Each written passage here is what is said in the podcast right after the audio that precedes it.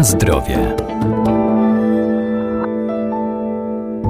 Etykiety na opakowaniach żywności to dla nas cenne źródło informacji o cenie, terminie ważności czy kaloryczności, a znając skład danego artykułu, możemy wybrać ten właściwy. To ważne także przy zakupie masła, czyli produktu składającego się wyłącznie z tłuszczu mlecznego, który nie może zawierać żadnych dodatków roślinnych.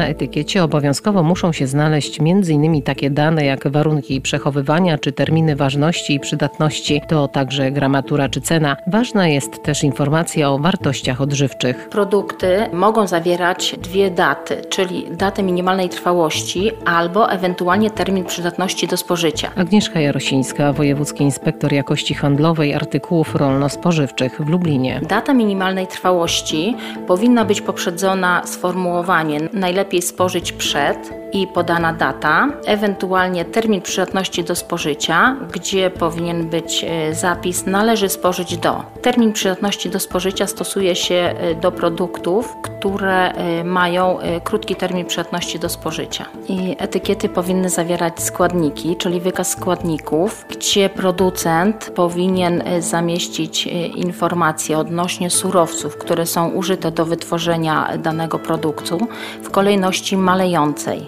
Tak, na pierwszym miejscu y, musi się znaleźć składnik, którego użyto najwięcej ilościowo. Producenci muszą wyszczególniać na etykietach wartość odżywczą już obowiązkowo od 2016 y, roku. Jeżeli chodzi o produkty nieprzetworzone, produkty jednoskładnikowe, nie ma obowiązku podawania wartości odżywczej. Przykładem może być tutaj miód. Jeżeli chodzi o produkty, które są sprzedawane luzem, to informacje dotyczące danego produktu znajdują się w sklepie, powinny znajdować się w sklepie i powinny być udostępnione y, konsumentom. Na zdrowie. Masło powinno zawierać od 80 do 90% tłuszczu mlecznego i ani grama tłuszczu roślinnego, w przeciwieństwie do miksów tłuszczowych i margaryn, które tłuszcz roślinny mogą posiadać. Miksy, w zależności od producenta, od 10 do 80% tłuszczu mlecznego i tłuszcz roślinny, a margaryna składa się niemal wyłącznie z tłuszczu roślinnego i zgodnie z prawem może zawierać tylko do 3% tłuszczu mlecznego. Zgodnie z rozporządzeniem produkt typu masło może się nazywać nazywać tylko i wyłącznie w trzech przypadkach. Masłem w ogóle nazywamy produkt, który jest wytworzony od 80 do 90% z tłuszczu mlecznego. Masło o zawartości 3 czwartych tłuszczu jest to produkt, który zawiera od 60 do 62% tłuszczu mlecznego. I masło półtłuste jest to produkt, który zawiera od 39 do 41% tłuszczu. I tylko w tym przypadku słowo masło możemy stosować. Natomiast jest y, kolejna grupa produktów,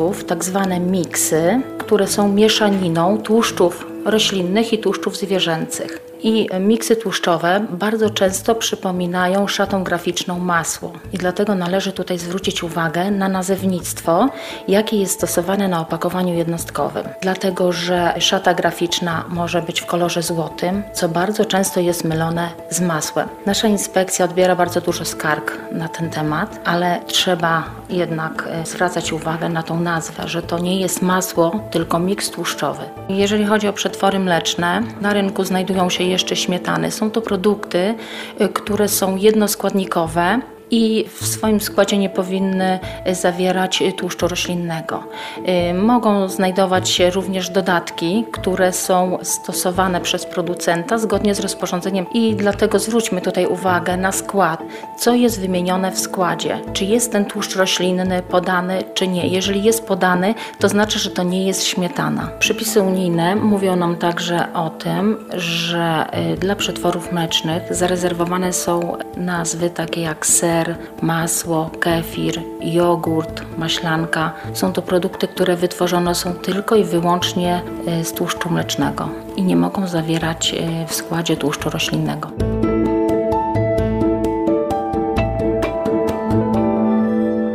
Obowiązkowy na etykiecie jest także wykaz alergenów, który musi w sposób szczególny wyróżniać się od pozostałych informacji, np. zapisany inną czcionką czy kolorem tła. Na zdrowie.